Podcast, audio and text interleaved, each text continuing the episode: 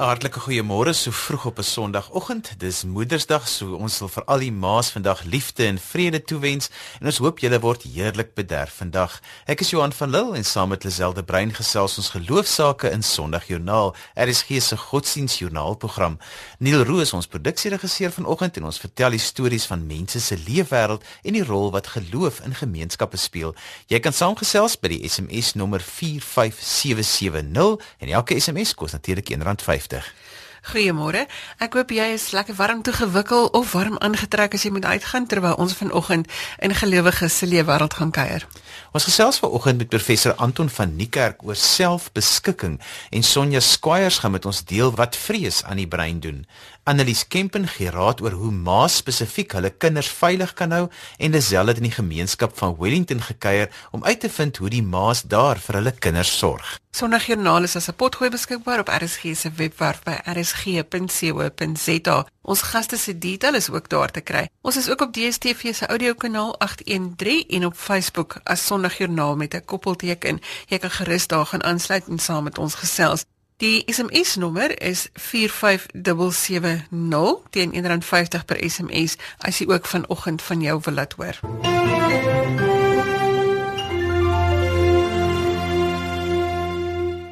Professor Anton van Niekerk is 'n uitgeleese professor in filosofie en direkteur van die Sentrum vir Toegepaste Etiek by die Universiteit Stellenbosch. En vanoggend gesels ons oor die besluit om te lewe of dood te gaan. Goeiemôre professor. Môre Lisel. Is daar spesifieke voorskrifte of morele beoordelings van selfmoord in die Bybel? Lazel nie waarvan ek bewus is nie. Uh, na my beste wete is daar twee insidente van selfmoord in die Bybel. Die een is uh, Saul wat in sy swaard geval het aan die einde in 1 Samuel 31, die einde van die boek Samuel. Dis 'n dis dis interessant as mense daar lees want hy het aanvanklik vir sy wapendraer gevra om hom om hom dood te maak. Die het nie die Afrikaans gesien en toe het hy in sy eie swaard geval.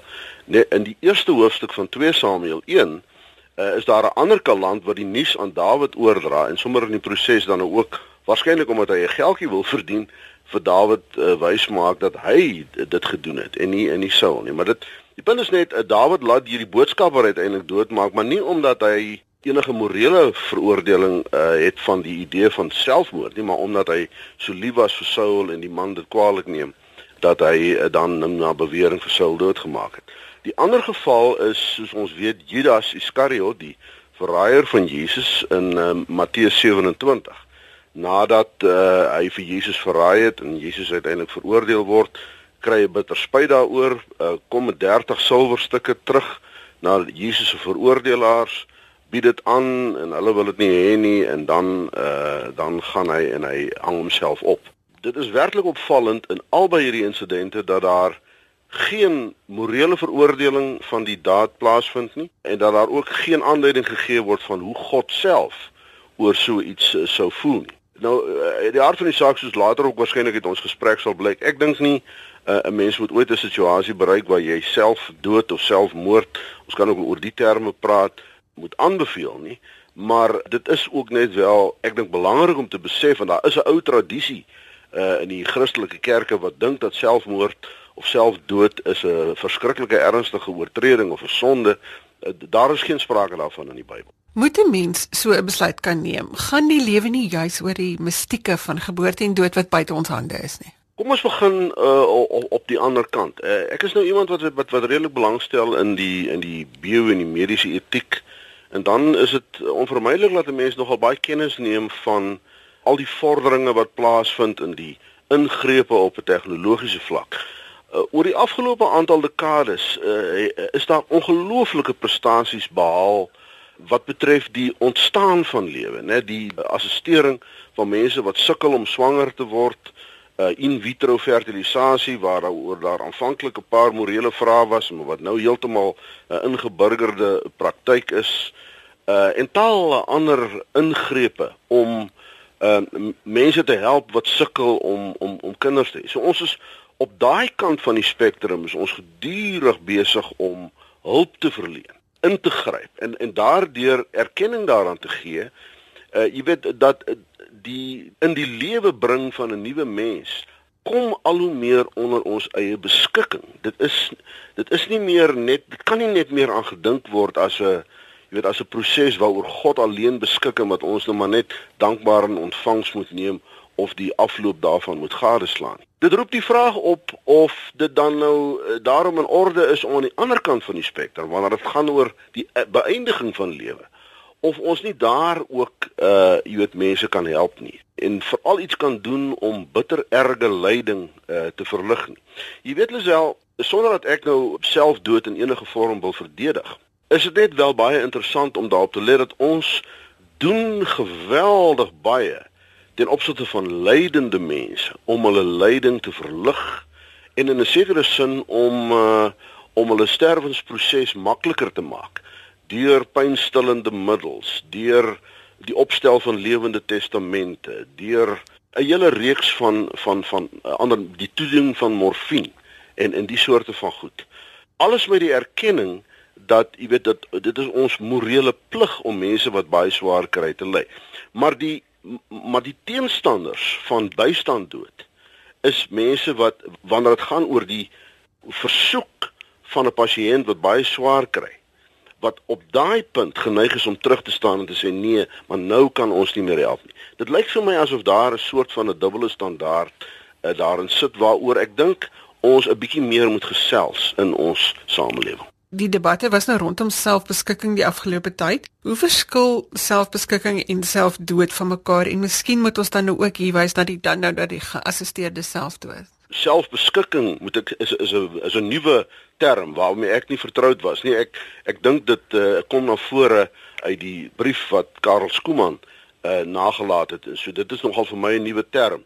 Soos wat ek dit verstaan, verwys die begrip na die proses van vrywilliglik besluit om op te hou voedsel en drank in te neem en dus as gevolg van dehydrasie en andersins op die manier aan jou einde te kom. Nou laat ek dadelik sê ons weet dit is nie wat met Karel Skooman uh gebeur het nie. En laat ek ook dadelik sê so 'n proses moet ook nie geromantiseer word nie.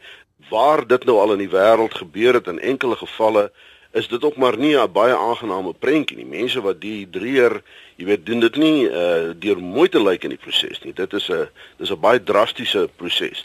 Selfdood wat die begrip is wat ek verkies bo die begrip selfmoord is die proses waarin 'n mens aktief iets doen om jou om jou eie lewe uh, te te beëindig op 'n weer na 'n verskeidenheid van maniere wat dit uh, kan gebeur.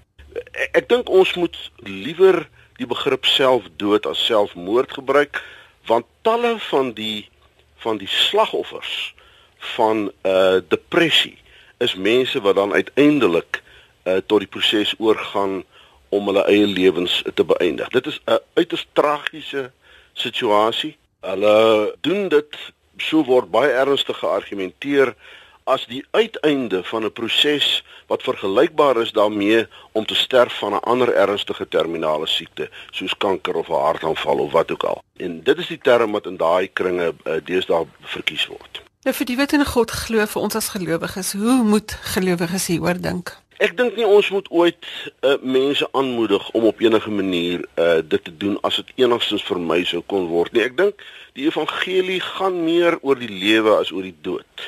En die lewe is 'n gawe uit God se hand wat ons uh, mag toejuig en wat ons mag vier. Uh, en en daar is 'n natuurlike impuls by die meeste mense om so lank as moontlik uh, te bly lewe. Ek dink uh, ons moet dit in daai sin by mekaar so aanmoedig. Maar daar is situasies ongetwyfeld in die lewe waar om die woorde van die apostel Paulus aan te haal waar die sterwe inderwaarheid wins is waar mense 'n uh, geweldig swaar ly as gevolg van onomkeerbare pyn uh, wat wat voortgaan en wat en, en mense wat wat dan in die proses herhaaldelik die versoek uitspreek dat hulle geassisteer moet word uh, om te sterf in die, in die proses. Om in daardie situasies eenvoudig amper gewetenloos terug te staan en nie barmhartigheid te bewys om so 'n persoon te help om van sy lyding verlos te word nie lyk vir my nou nogal uh, nie altyd so regverdigbaar nie dit is so dat dat God in Jesus Christus vir ons kom ly het en dat hy al ons swaar lyding op homself geneem het maar maar dit beteken nie dat ons op sterkte van daardie besef en daai belydenis uh lyding moet verheerlik nie. Uh, daar ongelukkig is daar sommige mense wat geneig is om te sê ja, maar alle lyding kan, kan tog nie net sleg wees nie. Partykeer moet 'n mens nou ook maar ly want dit is nou maar deel van van die lewe van die mens. Uh, ek dink dit is 'n uiters gevaarlike argument. Ons moet ons moet wegstuur daarvan. Christus het juis ons lyding op hom geneem sodat ons nie meer uh, so erg hoef swaar te kry nie. Dankie professor, dankie dat jy vanoggend vir ons gehelp het om so 'n bietjie oopkop hieroor te dink. Baie dankie Lisel. So gesels professor Anton van Niekerk.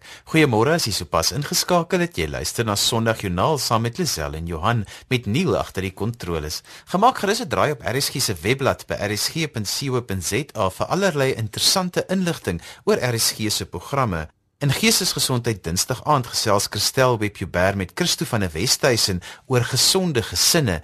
Jy kan ook gaan aansluit by ons sosiale media bladsy op Facebook, like die bladsy en alles programinligting is ook daar gelaai. Sonja Square werk heeldag met die werking van die brein. Sy is 'n hulppastoor daar van Calvinia se omgewing en vanoggend gesels ons oor die resultate van vrees op die brein. Goeiemôre Sonja. Môre Lisel. Sonja vrees speel 'n geweldige groot rol in ons samelewing vandag. Ons word daagliks met berigte gebombardeer en ons hoor hoe mense in vrees reageer op wyse wat irrasioneel is. Hoekom is dit so? Gee vir ons breinfeite rondom die emosie van vrees.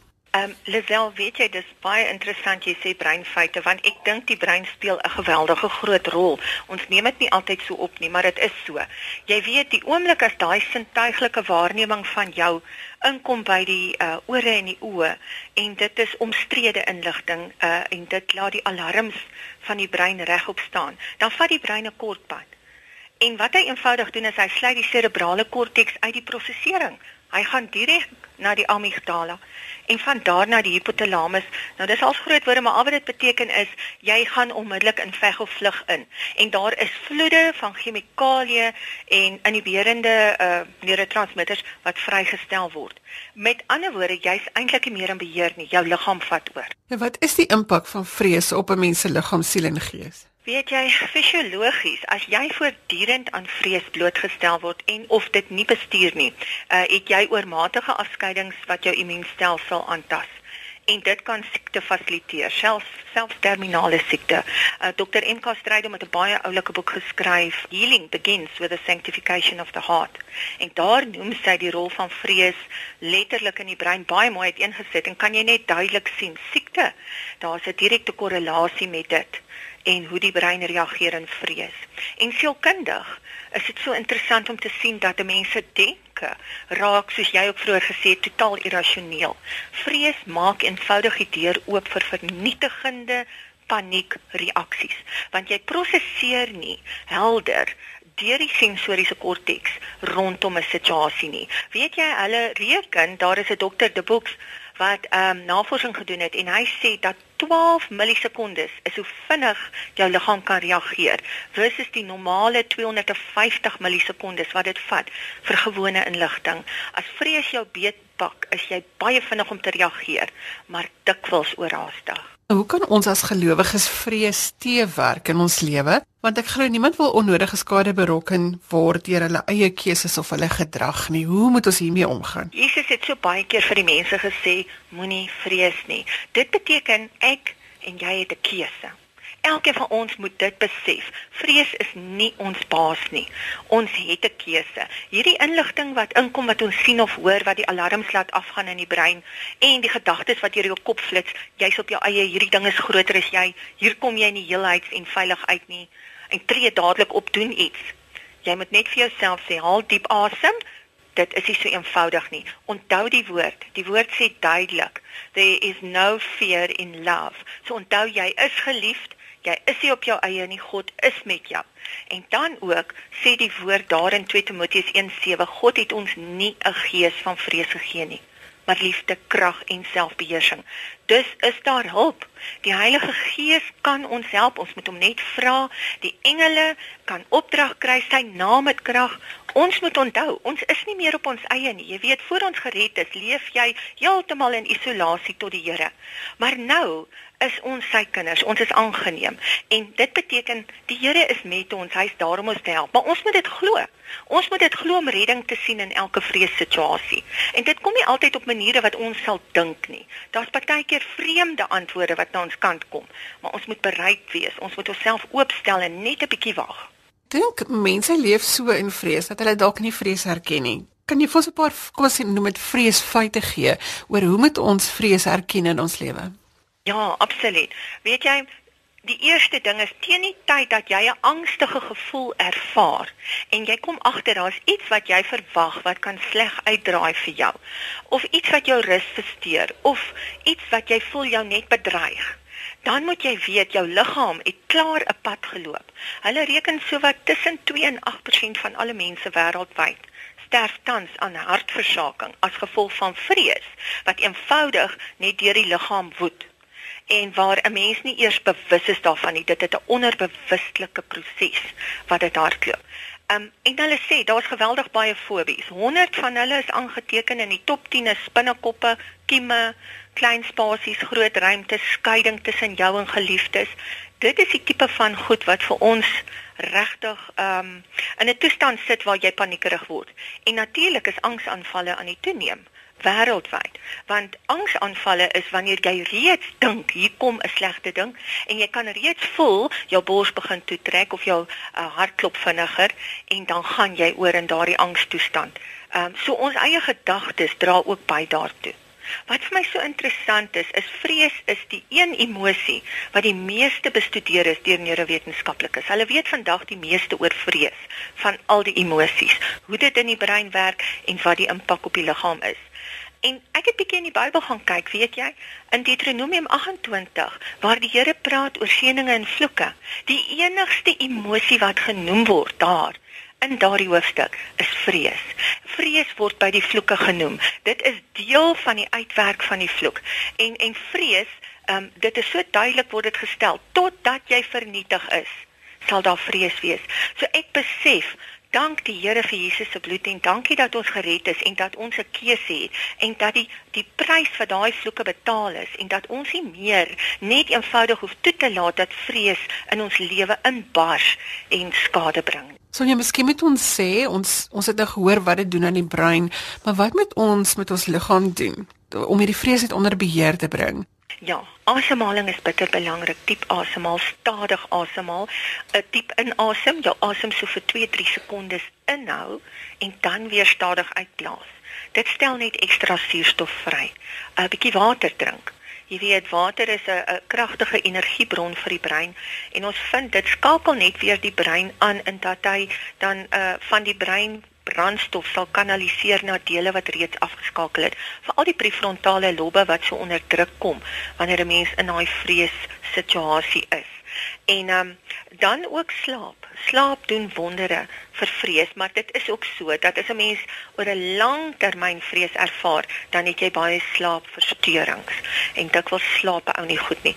Maar dan nog natuurlik sê hulle altyd as jy so 'n bietjie magnesiumsulfaat in jou badwater sit en jy het so vir 10 minute daarin gelê en week, dan daardie magnesium doen ook wondere net om hulle noem dit die chill faktor, net om 'n ou bietjie te laat chill en net vir jou te help om helder weer oor dinge te begin dink. So daar's verskeie maniere hoe ons vrees onder beheer kan kry. Lees die woord, asemhaling, trek 'n joernaal nader, skryf jou gedagtes daarin neer, gaan bad lekker en soos wat Sonja vir ons aanbeveel het. Sonja baie dankie dat jy ver oggend 'n paar van hierdie feite met ons gedeel het sodat ons almal ons vrese onder beheer kan kry. Baie dankie Lisel. En so gesels Sonja Squires van Calvinia Annelies Kempen is die redakteur van die tydskrif Servamus wat fokus op gemeenskapsveiligheid en sy gesels vanoggend met ons oor dinge waarna ma's moet uitkyk as dit kom by die veiligheid van hulle kinders.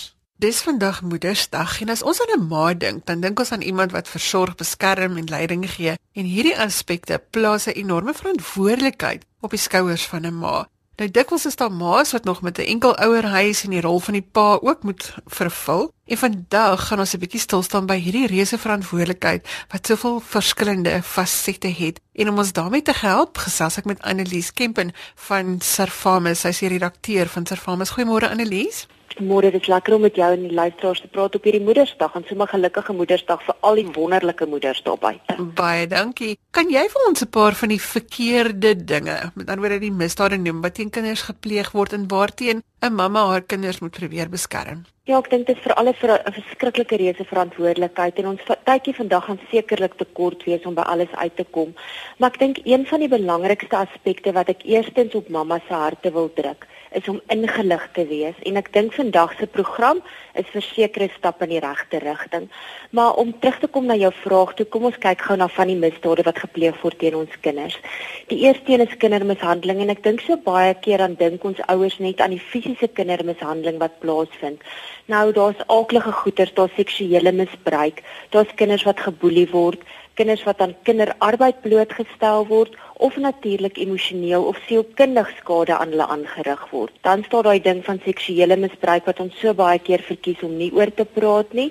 En ek dink dit is belangrik om mooi aandag te gee aan hierdie misdaad want dit het verskillende fasette. Dis daai goed soos ek sê wat ons nie oor praat nie, maar dis ook die ander kant wanneer 'n kind uitgelok word of gedwing word om deel te vorm van seksuele aktiwiteite en ek dink dit is baie belangrik vir ons mammas om te onthou 'n kind hoef nie tot hierdie dade in te stem nie of selfs al is hulle so bang vir die oortreder dat hulle dink dit is veiliger as hulle dit gaan doen, is dit nog steeds 'n misdaad wat teen daai kind gepleeg word. En dan staan een wat baie keer 'n toeoog na toe gedraai word en dis kinderverwaarlosing. En dit gebeur wanneer die persoon wat na die kind moet omsien, nie na daai kind se fisiese behoeftes omsien nie. So ons dink aan goed soos voeding, hitte, ons gaan nou in die winterseisoen en so dis 'n baie belangrike ding om na te dink huisvesting en selfbeskerming teen gevaar. En nog 'n aspek wat deel is van kinderverwaarlosing is as 'n kind mediese sorg moet kry, daar aan hulle opvoedkundige behoeftes voldoen moet word of selfs as 'n kind alleen tuis gelaat word of in die motor jy spring gou uit om 'n paar inkopies te gaan doen en selfs hierdie goed kan as kinderverwaarlosing gesien word en ek dink nie ons dink daaraan nie. En dan sou natuurlik daai goed van emosionele mishandeling wanneer 'n kind aanhoudend verkleineer word, daar word vir hom gevloek, daar word leuns vir die kind voorspel en dan is daar selfs fisiese en verbale geweld waaraan kinders blootgestel word. En ek dink mamma sê nou sjoe Annelies, hoe op aardbodem moet ons ons kinders teen al hierdie goed beskerm? En ek weet dit is onmoontlik. Daar's nooit wat jou kind in 'n totale watte konversie kan toedraai en kan sê moenie in die wêreld uitgaan en jy gaan beskerm word nie. Maar ek dink daar's tog 'n paar goeders wat mammas kan doen. Soos byvoorbeeld gaan vind bietjie uit die plekke waar jy jou kinders in wie se sorg hulle laat of dit nou by die sonnaskool is, by die naskoolsentrum, by die skool is, gaan vra vir daai mense of hulle al navraag gedoen het om die kinders na wie of die persone wat na jou kind moet kyk of hulle ooit aan seksuele misdrywe skuldig bevind is want daardie plek het 'n verantwoordelikheid om te sorg. Hulle moet gaan navraag doen om te sorg dat die en is dis die hele proses wat hulle moet gaan gaan doen om te kyk dat daai persone wat na ons kinders kyk nie aan hierdie misdrywe beskul um, skuldig bevind is nie. En as jy ooit kan bevind dat dit gebeur het, dan kan daardie plekke aangeklaag gevra word. So daar's net 'n paar goeters waarna ons kan kyk in terme van wie na ons kinders kyk of hulle veilig is. Een van die grootste uitdagings vir enige ma is wat haar te doen staan as haar kind vir kom vertel oor kindermishandeling of dat iemand iets aan haar kinders gedoen het wat hulle ongemaklik laat voel. Ja, ek dink dit is iets wat 'n mamma hoop net absoluut nooit met hulle moet gebeur nie, maar dit is 'n realiteit en ek dink die eerste ding wat ons mammas moet onthou, is hulle moenie net aanvanklik dink hulle kinders soek aandag nie of jy weet dit afmaak ag jy vertel sommer storieetjies nie. Luister na jou kind vra vir hulle hoekom vertel hulle dit vir jou? En baie belangrik bedank hulle dat hulle die moed het om met jou te praat. Ek dink dit is so belangrik want onthou dit moet 'n verskriklike stap wees vir 'n kind om om daai tipe van goeters vir sy mamma te kom vertel en gee hulle kans om dit in hulle eie woorde vir jou te vertel en vra dan vir hulle hoekom wat het gebeur dat dit jou ongemaklik laat voel het of hoe het hulle jou seer gemaak? Sonder om nou in detail in te gaan maar vra nie daai basiese goed en ek dink natuurlik moet dit aangepas word by die kind se ouderdom. En dan is dit baie belangrik om vir 'n kind te vertel dat dit nie hulle skuld is nie. Want onthou nie daar's geen geen verskoning wat daar ooit vir enige vorm van geweld kan gegee word nie en dis teen die wet dan moet jy aan jou kind die belangrikheid begin verduidelik van vertroulikheid. Want onthou op jou weet gaan jy dit weer aan die polisie moet rapporteer, aan 'n maatskaplike werker moet rapporteer en jy gaan vir jou kind gaan dalk vir jou sê, "Mamma, moet dit asseblief nooit vir iemand anders vertel nie." En jy gaan dan daai vertrouensbreuk nie moet breek nie, maar hulle vertel hoekom dit belangrik is dat jy dit weer vir die owerhede gaan moet vertel. En dan moet mamma ook vertel vir jou kinders wat die verskil tussen goeie en slegte geheime. Want onthou so baie keer sal die oortreder vir die kind sê, "Onthou, dis ons geheim. Jy mag dit nie vir iemand gaan vertel nie."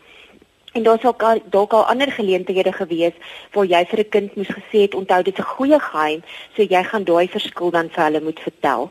Dan moet jy baie sensitief wees teenoor jou kind se gevoelens, want hulle gaan teleurgesteld wees in die volwassene wat dit teenoor hulle gepleeg het.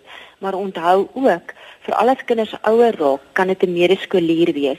En dit is baie belangrik vir ouers om dan nie te gaan sê, "Sjoe, daai ouer dit en dit en dit gaan doen nie." So ons mag nie oordeel nie en ons mag nie die oortreder sleg sê nie. En dan moet ons vir ons kinders sê, "Ons gaan saam deur hierdie ding gaan en ons gaan saam hulp kry." En dan moet mamas onthou, dis nie hulle plek om die misdaad te gaan ondersoek nie of die misbruik of wat ook al gebeur het nie.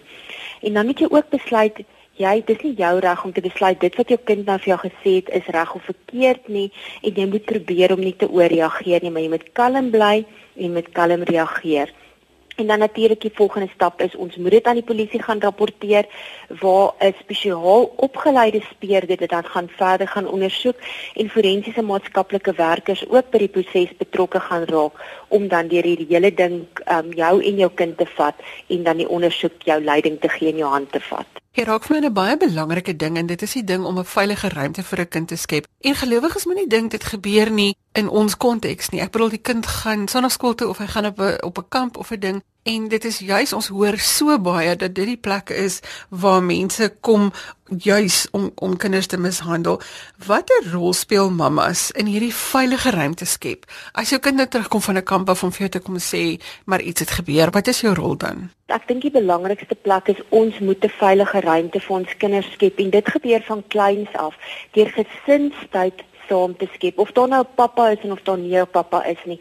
Ons moet saam tyd inruim om saam te eet aan die tafel, dit nie vinnig te doen voor die televisie en elke ou gaan sy eie rigting nie, sodat die kinders kan weet as daar iets gebeur het met hulle, kan hulle die vrymoedigheid neem om saam met mamma en pappa of mamma spesifiek dan nou, jy weet te praat en vir haar te sê wat het gebeur wat hulle ongemaklik laat voel. En ek dink nog iets wat ons kan doen, ek het nou so rukkie terug met 'n speurder gepraat wat spesifiek met okkultverwante misdrywe werk En hy het vir my gesê Annelies, as daar net meer tyd ingeruim word vir gesinne om saam tyd te spandeer, sal soveel van die probleme baie vroeër aangespreek word, want ons druk 'n klomp sakgeld in ons kinders se hande en vergeet van tyd wat so ongelooflike kosbare kommoditeit is deesdae. Nog iets wat ek vir ons mammas wil sê is maak tyd op 'n ander vlak ook saam met jou kinders teken. Ek het 'n ruktige forensiese konferensie bygewoon waar een van die spelers gesê het hoeveel goed uitkom wanneer mense saam teken in die kinders se kuns. Maak nie saak of ons kan onderskei wat dit is nie.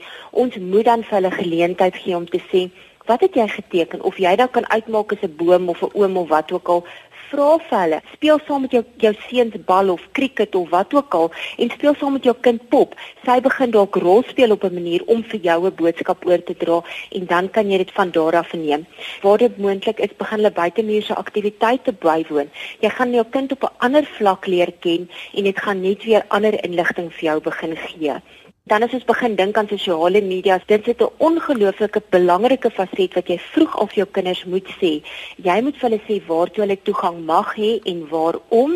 En dat ook dat jy vir jou kind van vroeg af sê, weet jy wat, van tyd tot tyd gaan mamma jou selfoon vat of ek gaan jou tablet vat om net te kyk waarmee is jy besig, maar jou kind moet weet jy wil nie op hulle spioneer nie, maar dit alles doen jy as deel van 'n veilige omgewing vir hulle dan moet ons byvoorbeeld ek dink baie min ouers wat vandag luister weet byvoorbeeld dat Facebook 'n ouderdombeperking van 13 het. Verduidelik hulle van kletskamers en dat daar ooms en tannies is wat voorgee om jong kinders te wees as hulle glad nie is nie en dat jy nie op sosiale media klomp mense wil hê wat jy glad nie nog ooit in lewende lywe ontmoet het nie. Baie belangrike dinge wat jy daar sê Annelies. Baie dankie dat jy gehelp het om vanoggend op Moedersdag 'n paar van hierdie sake onder ons ma se aandag te bring. Groot plesier, ons praat graag weer. Lisel was 'n gesprek met Annelies Kempen. Volgende aan die beurt is dit die Maas van Wellington. Lisel het vroeër die week by hulle gaan kuier waar hulle die kinders van die gemeenskap op 'n Dinsdag en 'n Donderdag versorg. Ek kuier vanoggend by 'n groepie ma's hier in die gemeenskap net buite kan Wellington en ons gesels oor wat dit vat om ma te wees en met die projek wat hulle hier besig is. Pietie, as ek by jou kan begin, hoe lank is julle al besig met Ma's vir Wellington? Ek is Pietie Rouda. Goeiemôre almal. Ek is betrokke by Ma's vir Wellington. Ons is 'n um, groep vroue, doodgewone mammas wat ook ons eie huisgesinne het wat omgee vir ons kinders in die gemeenskap. Ons is nie 'n crash nie, ons is net 'n groep vroue wat 2 dae per week besig is met die kinders om vir hulle so die ouderdom tussen 3 en 7 jaar oud om hulle uit die straat en uit die gevaar uit te hou. Ons staan bekend as Maas vir Wellington. Annelie, die kinders wat hier bymekaar is, julle leer hulle lees, julle gee vir hulle kos. Hoe lyk die gesinne in julle gemeenskap? Goeiemôre, ek is Annelie Gertse.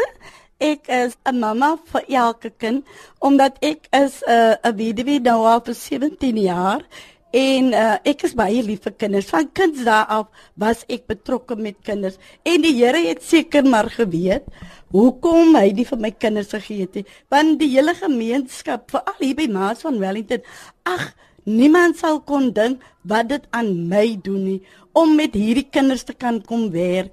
Ek is by die uh, kreatiwiteite waar die kinders met klei speel en al hierdie klas van dinge. Ons is is 'n groep mammas wat uh, by die een van die jare as die kinders nou die skool gesluit het en dan is ons 'n paar vroue wat vir die kinders moet kos gee en dan kan jy eintlik die mammas van die kinders ontmoet en dan kan jy vir jouself aandink uit watter omstandighede kom party van hierdie kinders. Dis hoekom dit vir my baie belangrik is om meer aandag vir ons kindertjies te gee, meer liefde vir ons kinders te gee en omgee is iets baie groot. Daardie drukkies is so spesiaal vir hulle. Ons moet Jesus se voete en sy hande wees. Ons het nou gehoor Anneliese sy is 'n ma vir al hierdie kinders. Verduidelik vir ons wat julle doen en en wat dit vir jou spesifiek beteken om betrokke te wees by hierdie kinders. Ek is Minnie Bastian en uh, ek is hier by Maas van Wellington. Ek is nou al 8 jaar by hulle en dit is vir my baie wonderlik om saam omdat ek al reeds al die jare kinders opgepas het, weet ek wat dit is om met 'n kind te kan werk en vir haar liefde te gee om hom te druk, sy neus af te vee, sy seurtjie te kyk, sy kyk sy voetjies op sy voete warm is, kyk of sy lyfie warm is. Minnie, wat beteken dit vir jou geloofslewe om met hierdie kinders te werk? Ek ervaar dit baie goed as 'n Christen vrou. Omdat ek is 'n Christen vrou, my kleinkinders, ek hou vir hulle sonnaskool, maar ek is nou afgetree. My dogter hou nou vir hulle sonnaskool en dis waar ek betrokke geraak het hierso by Maas van Wellington, ook om vir hulle te leer van Jesus en om by Jesus se voete te lê. Loretta, om om 'n diens te lewer aan hierdie kinders wat half nie jou eie is nie. Hoe beïnvloed dit jou geloofslewe? Goeiemôre almal, ek is Loretta Loos. Ehm um, ek is by Maas vir Wellington maar 'n jaar en 'n paar maande. Ek is ek het ehm um, by Maas vir Wellington kom besoek een oggend en gesien dat 'n groot belofte is aan uh, liefde vir die kinders wat hulle oorgenoeg kry. Maar 'n voorskoolse ehm um, vir hulle voorskoolse liefde kan gegee want ek is betrokke by hulle by die ECD 4 tot 5 jariges 3 dae in die week en ek het gesien dat hierdie kindertjies um, het baie aandag nodig in alle opsigte. Nie net liefde soos 'n liefde vat as ons 'n ma vir haar kan gee nie maar ook in geloof en dit wat hulle hierso kry en uh, dit is nogal baie interessant. En um, hierdie kindertjies kom uit 'n gemeenskap uit wat hulle baie hart wat baie hartseer is vir hulle. Mm. En dit wat hulle hier kry kry hulle nie by hulle huise nie. Mm. Dit is waarom hulle so almal hulle sien uit na elke Dinsdag en Donderdag en daai 3 dae na die skool toe sien hulle baie uit daarna. En dit maak vir hulle self ook baie sterk in geloof en en hulle besef nou al um, wat die ouderdom van hulle is van 3 tot 5 hierso. Wat is God? Wat is Jesus se liefde? En uh, hoe effek Jesus se liefde vir hulle? want hulle kry dit van elke moeder as ook van die bestuur van Maasville Wellington. Ek wil net byvoeg, as jy nie 'n voorbeeld is in jou eie gemeenskap nie, dan kan jy nie hier by Maasville Wellington kom deel wees nie. Jy moet as dit ware uh, vir Jesus ken as jou persoonlike saligmaker. En ek wil net sê van dat ek by Maas vir Wellington is, het my geloof het net sterker geword. Jy is net 'n beter mens. Want as jy 'n mens mens is, dan gebruik God vir jou op die regte tyd en op die regte plek. Ons het 'n hele paar kinders uit uit die gemeenskap van Weltevrede wat ook hier by ons by Maas vir Wellington is. En die kinders kyk op na jou. Die kinders raak vir jou so lief want as hulle probleme by die huis het, dan hardloop hulle kom sê vir antibiotie dit of hulle kom sê vir antibiotie daai. So jy kan nie net by jou werksplek 'n voorbeeld of 'n lig wees nie, ook in jou huis, daar by jou omgewing. Dis 'n belangrike rol wat jy in jou omgewing skep sodat mense men mense het groot respek vir my daar in Weltevrede daar waar ek woon.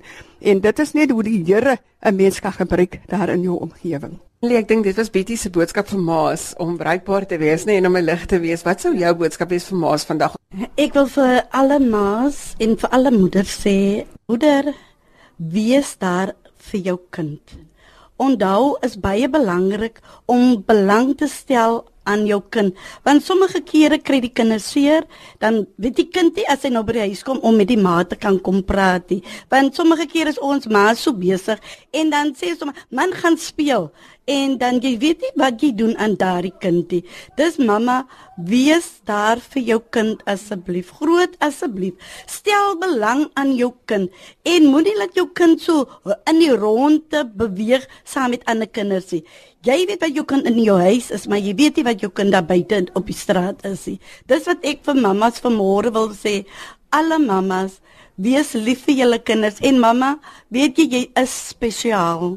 Jy is uniek en daar is nie iemand soos jy nie, want jy is uniek en one of a kind is beautiful. Minnie, wat sal jou boodskap wees vir ma's vanoggend op Moedersdag? My boodskap is vanmôre, voel ek dat mammas hulle kinders baie aandag moet gee, liefde gee en laat die ou kindjie ook self van mamma 'n blommetjie moet gee. Ek was 'n ma, 'n ouma vir daai kinders in Gaanstraat en uh, my bemoedering is op Moedersdag laat alle mammas tog hulle kinders moet aandag gee vir al in Gaanstraat by my. Al is hulle die maans, laat hulle hulle kindertjies bederf op Moedersdag sodat hulle ook eendag kan sien waar my maat aan dit daar so gemaak so ek gaan ook so maak vir my kinders en vir my kinders leer wat beteken Moedersdag. Baie kinders, 18 kinders het daar by my huis gekom en ek het vir, vir hulle almal voorsien. Ek het wel sien kinders gehad waarvan enige getroude vrou is wat nou dood is aan kanker. Al hierdie kinders wil vir julle baie baie dankie sê met alle liefde. Loret, wat is jou boodskap vir Maas vanoggend? My boodskap vir Maas vir Wellington is een in die omgewing is al elkeen van julle moet 'n vredevolle dag hê vir Moedersdag, 'n geseënde Moedersdag hê. En baie van ons het nie ons eie kinders nie, maar daardie kindjie wat jy het en wat elke dag by jou kom, wees lief vir daai kind en moenie ophou lief wees vir daai kindie, want daai kind sien op na jou as 'n moeder. Geseënde Moedersdag. Um, ek wil ook aan elke mamma daar buite sê 'n baie geseënde Moedersdag vir elkeen van julle. Weet julle dit is so voorreg om 'n ma te kan wees. Ek is trots om vandag 'n ma van 5 te kan wees en 'n ouma van 6. En weet u dat daar is soveel seer kry mammas daar buite. Soveel mammas wat nie die voorreg het wat ek miskien vandag het nie. Maar ek wil vir jou vandag sê moenie in 'n hoekie gaan sit nie. Staan op uit jou omstandighede uit want Jesus het jou lief en Moedersdag is so spesiaal. As jy miskien nie 'n geskenkie by jou man of by jou kind gekry het nie, onthou, die grootste geskenk wat ooit aan elke een van ons gegee is, is die ewige lewe. Jesus Christus is vandag die grootste geskenk. En vir al ons mammas hier by Master Wellington Ek wil vir elkeen van ons bestuur af van ons hoof af tot by elke vrou wil ek vir u vanoggend sê 'n geseënde Moedersdag. En mag jy gevul wees met vrede en vreugde. En mag jy nooit vergeet dat Jesus het vir jou lief net soos jy is. En daarmee dit tyd geword om te groet. Ons moet oorgie aan Jermaine M Hansen vir vanoggend se Bybelstorie, maar ek moet net gou herinner aan vanmiddag se kinderstorie. Moenie vergeet om in te skakel vir die avonture van Arrie en Erkie nie. Hulle is 25 oor 6 aan die beurt net hier op RSG 100 tot 104 FM en hulle leer volgens Spreuke hoe om verantwoordelik te lewe. Ek groet tot later vandag wanneer ek weer agter die mikrofoon inskuif vir ons in die onderwys. Hoop jy 'n rustige Sondag. Totsiens. Net voordat ek groet weer die e-pos detail as jy kommentaar of 'n geloostorie het, my e-posadres is lizel l e z e l e by www.media.co.za of jy kan ook vir ons 'n boodskap stuur deur die webwerf by rsg.co.za. Tot volgende week groet ek dan ook namens produksieregisseur Neil Roo agter die kontroles daai om 'n verskil in iemand se lewe te maak. Totsiens.